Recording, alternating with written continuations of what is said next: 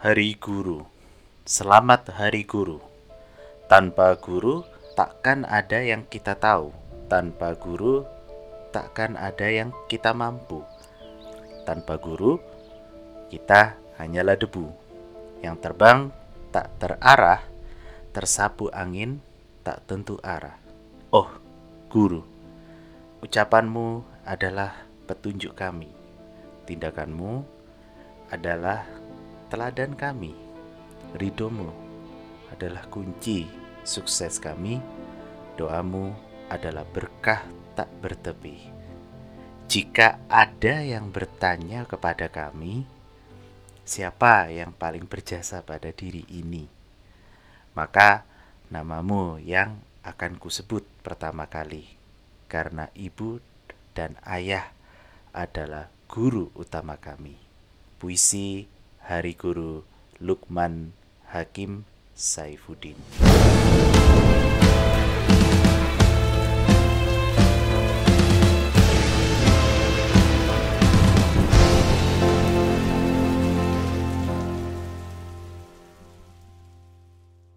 Halo teman-teman semua. Salam pendidikan. Selamat Hari Guru dari aku Radita Sarang Kodok Podcast. Nah, itu tadi puisi yang benar-benar sangat menyentuh ya uh, diri diri aku gitu. Dan semoga uh, guru itu akan selalu dikenang jasanya sebagai pahlawan tanpa tanda jasa. Sungguh sebuah pengorbanan yang sangat mulia seorang guru ketika dia mendidik dan mengajarkan kepada murid-muridnya tentang menjadi pribadi yang disiplin, pribadi yang rajin, pribadi yang penuh akhlak, pribadi yang penuh dengan kemuliaan, dan juga menjadi seorang guru tentunya adalah sebuah pekerjaan dan profesi yang mulia yang di mana mendidik anak bangsa, mendidik anak dari pembibitan awal sehingga anak itu kemudian menjadi orang yang sukses, menjadi orang yang berhasil, dan juga menjadi uh, pribadi yang tauladan sesuai dengan amanah dan juga sesuai dengan uh, agama.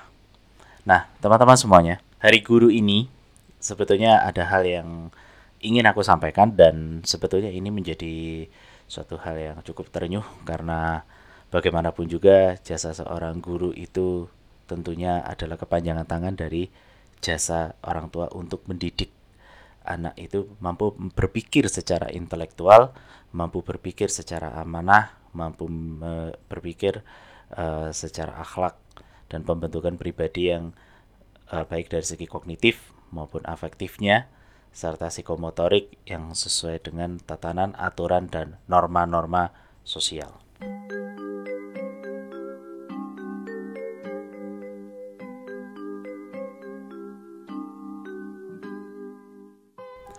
Teman-teman semuanya, uh, pada hari guru ini, ini tentunya menjadi suatu momen yang berat. Kenapa saya katakan menjadi suatu momen yang berat? ketika masa pandemi COVID-19 yang sejak di bulan Januari eh bulan uh, April tahun 2020 dan di bulan Maret pun uh, kegiatan belajar mengajar di rumah itu sudah dilakukan. Pemerintah sudah menggalakkan yang namanya belajar dari rumah, ibadah dari rumah dan juga uh, bekerja dari rumah. Tentu menjadi suatu hal yang berat bagi seorang guru karena ketika dia harus mengajarkan muridnya dari rumah, tentu beban yang harus diterima oleh seorang guru bukanlah uh, beban material yang sebagaimana diresahkan dalam masyarakat industri masyarakat bekerja. Tapi beban yang paling berat dari seorang guru adalah beban moralnya, di mana guru harus uh, bertemu dengan murid-muridnya, bisa berinteraksi dengan murid-muridnya, dan dilakukan secara interface, guru berharap bisa langsung mendidik murid-muridnya secara tatap muka supaya guru bisa memantau segala uh, seluk-beluk uh, bagaimana muridnya ini bisa menempuh pendidikan dengan baik. Bagaimana ilmu yang disampaikan guru kepada muridnya bisa disampaikan dengan baik dan bisa diterapkan dengan baik. Tentu beban moral seperti ini adalah beban kemuliaan bagi seorang guru. Yang di mana guru bukan hanya mengajarkan sesuatu hal yang bersifat intelektualitas kepada murid-muridnya, tapi guru pun juga harus mengajarkan edukasi moral kepada murid-muridnya dan mengajarkan tentang adanya aturan, norma, dan juga mengajarkan segala sesuatu yang mulia. Bukan hanya sekedar pintar mengerjakan PR, pintar mengerjakan soal-soal matematika, pintar mengerjakan bahasa Indonesia atau pintar IPA atau IPS, bukan hanya itu saja. Tetapi bagaimana mendidik manusia menjadi pribadi yang mulia, mendidik manusia yang sesuai dengan pribadi akhlak yang diajarkan dan menjadi tuntunan agama kita di sini. Nah, teman-teman saran kodok podcast, uh, di masa pandemi COVID-19 ini menjadi guru itu juga tidak mudah. Di mana masyarakat kita ini punya dinamika yang bermacam-macam, mulai dari uh, dinamika perekonomian yang mulai dari tingkat bawah sampai tingkat atas, dan sekarang kita kalau boleh jujur ini sudah di masa pendidikan daring online. Guru pun dipaksa harus memutar pikirannya. Bagaimana cara saya sebagai seorang guru harus bisa menyampaikan ilmu saya kepada murid menyampaikan uh, rasa jiwa moral saya kepada murid menyampaikan ajaran kebaikan dan akhlak moral yang baik kepada murid kalau itu dilakukan secara daring tentu menjadi suatu hal yang berat buat kita. Kenapa? Karena guru tanggung jawab itu bukan hanya sekedar tanggung jawab dari hal lisan saja, tetapi tanggung jawab dari membangun sebuah aura pertemuan dirinya dengan murid, keseganan murid terhadap gurunya, dan juga rasa cinta kasih sayang murid kepada guru dan guru kepada murid selayaknya orang tua kepada anak dan anak kepada orang tua.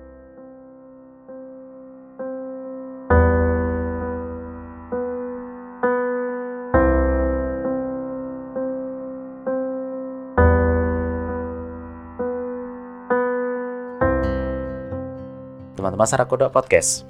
Nah, ini menjadi suatu hal yang sangat miris ketika di masa COVID-19 guru ini harus dipaksakan mengajarkan muridnya dari rumah, harus menggunakan perangkat-perangkat online atau ketika murid berada di bawah jauh di bawah garis kemiskinan tidak mampu untuk membiayai anaknya uh, sekolah dengan menggunakan media online atau tidak bisa menggunakan media daring dikarenakan keterbatasan pendanaan untuk fasilitas atau pendanaan untuk uh, kuota tidak bisa membiayai siswanya untuk uh, belajar jarak jauh dengan menggunakan perangkat smartphone atau perangkat gadget lainnya. Bahkan guru pun sampai harus uh, dengan berat hati dia mengalah uh, tidak usah menggunakan perangkat-perangkat online.